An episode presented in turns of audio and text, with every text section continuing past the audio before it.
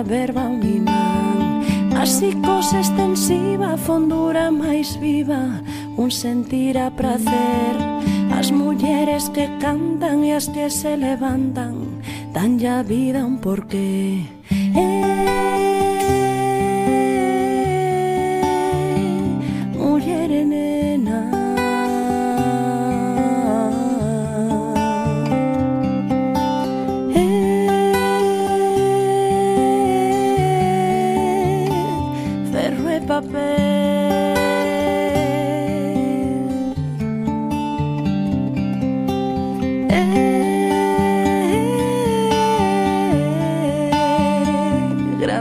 pequena.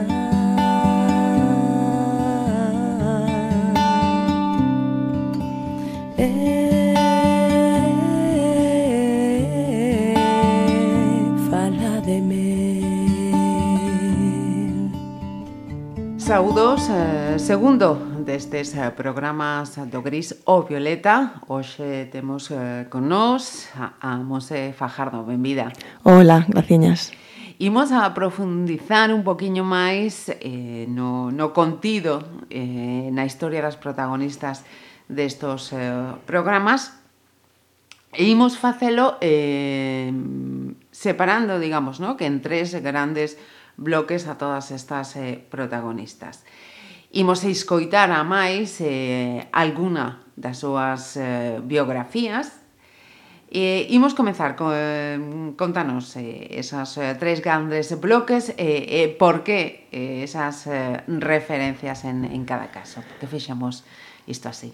Ben, pois nos, nos queríamos no programa da Grisa Violeta, no programa de Memoria das Mulleres do, do Concello de Pontevedra, queríamos rescatar, como sabedes, as biografías das mulleres que construíron a cidade e construíron Pontevedra, porque a veces a historia deixa un pouco as mulleres de lado e centrase máis nos homes, entón eh, quixemos eh, rescatar as biografías de mulleres salin, salintables que fixeron algo eh, algunha cousa que chamou a atención do que nós chamamos as pioneiras, que sería ese primeiro bloque do que ti falas, non as mulleres que destacaron por algunha actividade, pero tamén queríamos, nos parece importantísimo o traballo que as mulleres do común fixeron pola cidade. Eh, entón estarían aí as traballadoras, pois mulleres que traballaron de lavandeiras, de leiteiras, eh, mulleres que traballaron no comercio, que a mellor pasan máis desapercibidas, que non teñen es, esa, ese recoñecemento que tiveron a mellor as pioneiras, pero que tamén pensamos que foron imprescindibles para construir a, a Pontevedra que hoxe coñecemos. E logo hai un último bloque que é unha temática para nós no programa, eh, como sabedes, central,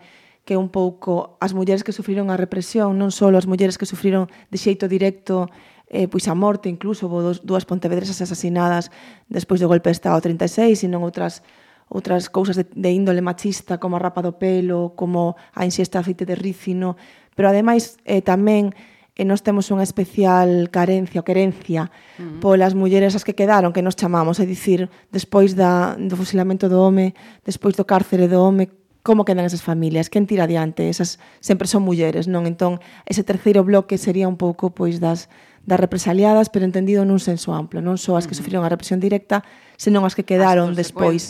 Desa, desa represión. Efectivamente. Eh, a primeira protagonista de hoxe, esa pioneira, eh, que non me ten antes de escoitar a súa biografía? Bueno, pois eleximos hoxe así un pouco a modo de introducción, podría ser calquera, pero eh, eleximos a Amalia Armesto, porque foi unha das primeiras mulleres eh, masonas, non? Así da que temos eh, constancia que a masonería parecía un mundo reservado aos homes, e eh? Ela foi pioneira, se fixo masona e ademais, bueno, pois na súa vida privada tamén fixo cousas que naquela época e mesmo nesta non estaba moi mm. ben vistas, como foi pois deixar a fillo co pai cando se separaron, e ela marchar a Madrid a, a cultivarse, non? A un pouco a, a entrar en contacto co mundo da intelectualidade. Uh -huh. Por eso a leximos. Son Amalia Armesto. Din que fun unha muller adiantada á miña época, sobre todo porque era masona. Nos anos 1891, En 1892 pertencín á loxa madrileña Comuneros de Castilla. Marchei a Madrid cando me separei do meu home, Federico Saiz, un catedrático de ciencias. Esa é outra. Unha muller do século XIX non deixa o seu home, e menos ao fillo. Pero eu fíxeno. Deixei a Víctor vivindo co pai na nosa casa, na casa do Saldao, da Praza da Ferraría. E marchei soa á capital. Nunca me desentendín del, Sempre estive moi pendente da súa educación e viaxaba cada pouco a velo a Pontevedra ou a Bueu, onde pasaba tempadas cos meus pais. Pero non era suficiente. O neno non vivía cada día comigo e iso, daquela, estaba moi mal visto. Pero eu necesitaba capital. Só ali podía dar renda ás miñas inquedanzas artísticas e, de feito, frecuentei o mundo da cultura madrileña, o mundo do intelecto. Ai, que mágoa non ter nacido nestes tempos avión de, de Amalia Armesto como exemplo de, de pioneira, que será, pois, eso, unha dos exemplos que, que imos a ir escoitando do gris a, a Violeta. Como exemplo, bueno, perdón, dunha sí. muller que se, que se introduce nun mundo a, a priori Pero, non eh, moi masculinizado como uh -huh. era o tema das, das masonas, que temos outros exemplos, non? como Chana Patiño, que foi a primeira aviadora, que tamén era de, de Pontevedra, mulleres que, que de repente se metían en, en en mundos que se se poña de homes e que eso as marcaban, non? A veces non para ben, claro. Uh -huh. Mulleres eh, valentes, eh, pois eh, con xestas, como, como que acabas de, de sinalar de, de, de Patiño, e eh, outras eh, traballadores, eh, traballadoras, perdón, eh, anónimas moitas veces. Claro, nós sempre sempre temos un, un especial foco no programa, non? No, na memoria das mulleres, tamén no Grisa Violeta, eh, un pouco de, de, de poñerlle o foco a, esos, a esas mulleres de común, as traballadoras que sostiveron a familia, a sociedade, do seu tempo pois co traballo do campo, no mar, non? Eh, eran mulleres que ademais ocupaban da casa, se ocupaban dos fillos, na, estamos falando sobre todo, nós temos moita estudado máis o tema así de, de, dos tempos da posguerra, onde as mulleres en moitos casos soas ou moitos casos con homes, pero nunha situación precaria economicamente, elas non só teñen que traballar a casa, que cuidar os nenos, senón que traballar fora. Ademais, como as mulleres normalmente o, o nivel de analfabetismo era tan alto, estaban empregadas en eso, pois en empregos moi mal remunerados uh -huh. porque eran de pouca non de, de eso, pois de, de forza básica de pois na estiva, na, na temos fotos, recuperamos fotos dos anos 40, dos anos 50 de mulleres construindo carreteras en Pontevedra, non estradas, uh -huh. traballos de forza física que como elas non non tiñan na maioría dos casos cualificación, pois tiñan que facer traballos de moita forza física, de moito esforzo que botaba moitas horas para soldos ademais moi mínimos. Nós quixemos tamén recuperar esas mulleres, esas mulleres que traballaron con afouteza para para sacar uns cartiños, pois eso, como costureiras, como leiteiras, como operarias de fábrica. Uh -huh. eh, no caso de, de Oxe, de Tana, Claro, Tana gustou nos Cándida Agulla, que ademais era costureira e apellidábase Agulla, non? Que era así, é un, é un personaxe que a nós nos gusta moito porque foi tamén unha muller que tivo esa doble, esa doble vertente de ser eh, traballadora no, na parte laboral, non? De la, ela ia Ela conta que traballaba, contou, non? no seu momento, que traballaba no agro, que traballaba cos fillos e tamén andaba pois coa, coa máquina de coser na cabeza para, para ganar uns cartiños. E aparte foi moi valiente na, na vida privada porque criou a fillo soa nun tempo uh -huh. no que as mulleres que eran aí solteiras pois estaban moi marcadas. Ela pois aí adiante con, con uh -huh. a fouteza. Tiven dous fillos con el, pero marchou a Argentina e deixoume criando soa. Mandaba cartos de cando en vez, mas nunca lle collín un peso. Ser pai non é só pagar as cousas, así que me bastei para sacar adiante a Felisa e máis a Benito ou soa. Nunca máis quixen saber dos homes. Eu coidaba os fillos, eu traballaba o campo, eu atendía os animais, e aínda sacaba tempo para andar de costureira, que a fin era o que daba algún cartiño coa maleta da miña máquina na man ou en riba da cabeza, fun coser as melloriñas casas de Pontevedra. Son Cándida Agulla, costureira, dicíalles cando asomaban a porta. E aos dous días xa me estaban chamando Tana, que foi como toda a xente chamou por min sempre. A pesar das diferenzas sociais, fixen boa amizade con algunhas desas mulleres, e foi grazas a unha que non me raparon cando a guerra. Quixeron, eh? Claro que quixeron. Era nai solteira, valíame por min mesma, aínda por riba era linguateira. Nunca lle calei nada a ninguén. Tiña xeño e defendía a miña familia ante quen fose. Por iso estaba na lista. Pero antes de que eses malnacidos me raparan, collín as tesoiras e peleime eu mesma a cabeza. Aínda que logo, grazas a miña clienta, non me viñeron molestar sequera. Son Cándida Agulla, pero todo mundo me chama Tana e son costureira. Que decir, Monse? Bueno, antes Case eu quería nada. dar as grazas a todas as mulleres que prestaron as súas voces para poñerlle voz non as esquecidas da historia de Pontevedra, non? Entón, bueno, pois un agradecemento especial a todas as compañeiras que pusieron voz a Tana, a Amalia, a Manuela, non? Que están a colaborar para facer eh, este, estes, estes programas. Eh, o terceiro o terceiro nome propio de, de hoxe, deste programa do Gris a, a Violeta, lévanos a, o apartado das represaliadas, no? con, con Manuel Acuña. Sí, ademais Manuela Cuña é unha das, unha das víctimas para nós clarísima do, do suceso de Salcedo que a moitos pontevedres, a moitas pontevedres son aralles porque foi esa, esa queima que se produce en decembro de 36 dun, dun albollo dunha casa onde estaban eh, refugiados pois Manuel Méndez e José Manuel Gómez Corbacho, que eran dos loitadores republicanos. Eh, Manuela Cuña é a irmá, eh, perdón, a esposa de, de Manuel Méndez e os seus dous irmáns, Ramón e Consuelo, eran os donos desa casa onde estaba o seu home agochado.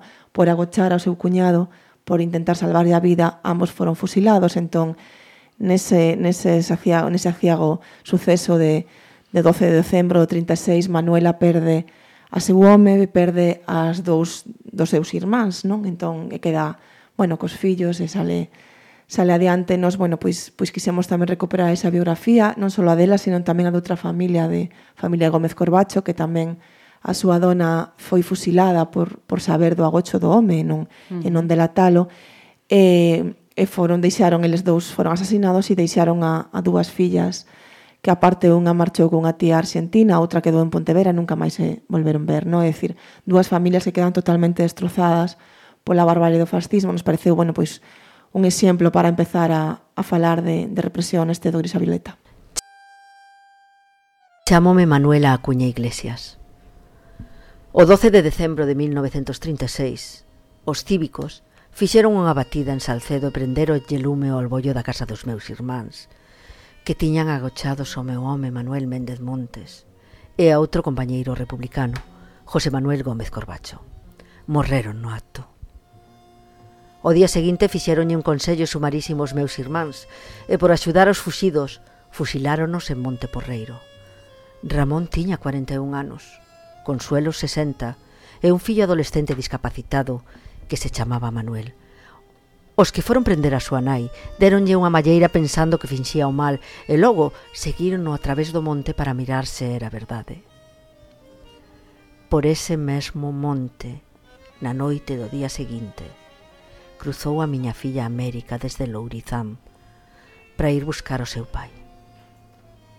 Meteu os seus restos calcinados nunha caixa e trouxoa na cabeza.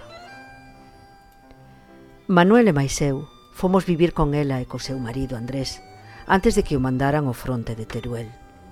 Manuel non se podía valer de seu e tiñamos que vestilo e bañalo, América máis eu, e traballar o campo para salir adiante, que non foi sinxelo.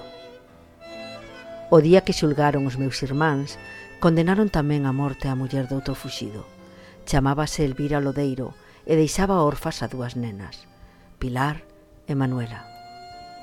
Din que cando a fusilaron estaba embarazada da terceira.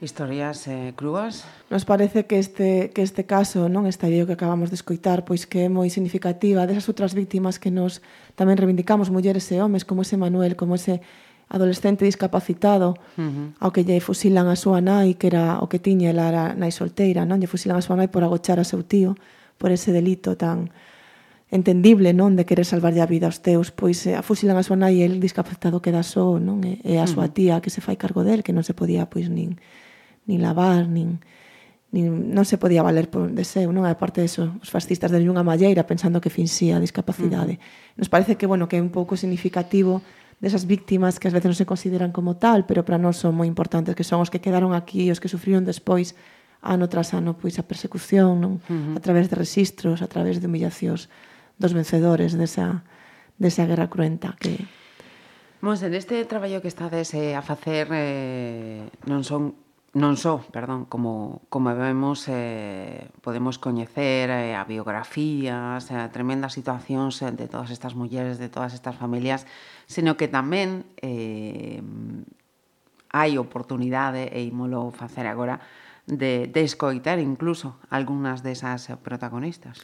Claro, porque nós sempre traballamos moitísimo coa memoria oral, tamén nos parece importantísimo a historia, non temos no equipo, por exemplo, a Xosé Álvarez Castro, que é a persona que mellor coñece a represión en Pontevedra, eh, eh, tiramos das fontes escritas de todo o que hace, pero tamén nos parece moi importante recuperar a memoria oral, sobre todo no caso da represión do 36, e por eso acudimos sempre ás familias, das, das víctimas. É verdade que, claro, eh, pasaron 80 anos desde o golpe de Estado, é moi difícil atopar alguén que mm. poda falar en primeira persona. Si sí, temos algún, algún exemplo, non? De, pois de, de que en aquel, naquel momento era unha nena que queda mellor sin pai, e agora se hai unha, unha muller adulta que conta o que pasou, pero claro, son, pasaron moitos anos e son poucos os casos que posta en primeira persoa, pero as familias sí que mantiveron a memoria como un tesoro que ahora comparten con nós, entrevistamos a moitas fillas, a moitas netas uh -huh. de persoas represaliadas que para nós eh, que comparten as historias que para nós son, son un tesoro non a topar. Uh -huh. Hai partes da, da represión, neste caso, que, que non se poderían recuperar só cos documentos oficiais que cubren os vencedores, non?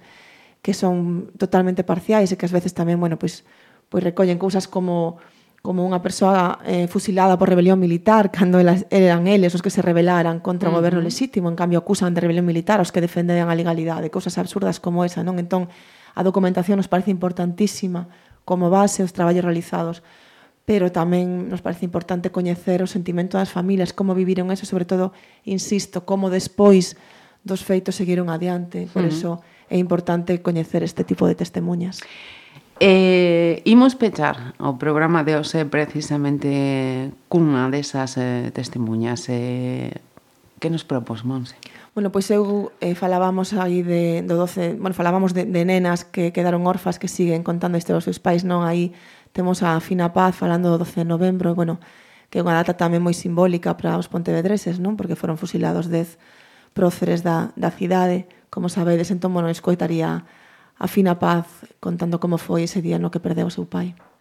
Era todo o mundo, bueno, pois pues a ver si, si los indultan.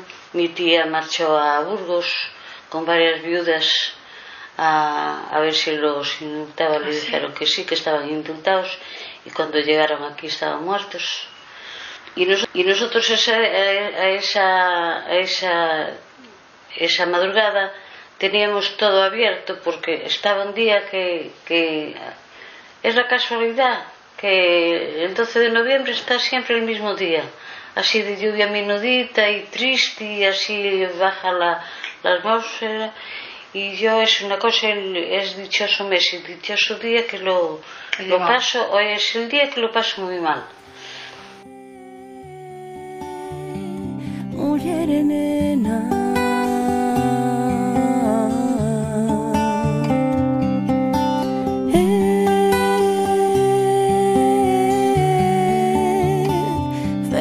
up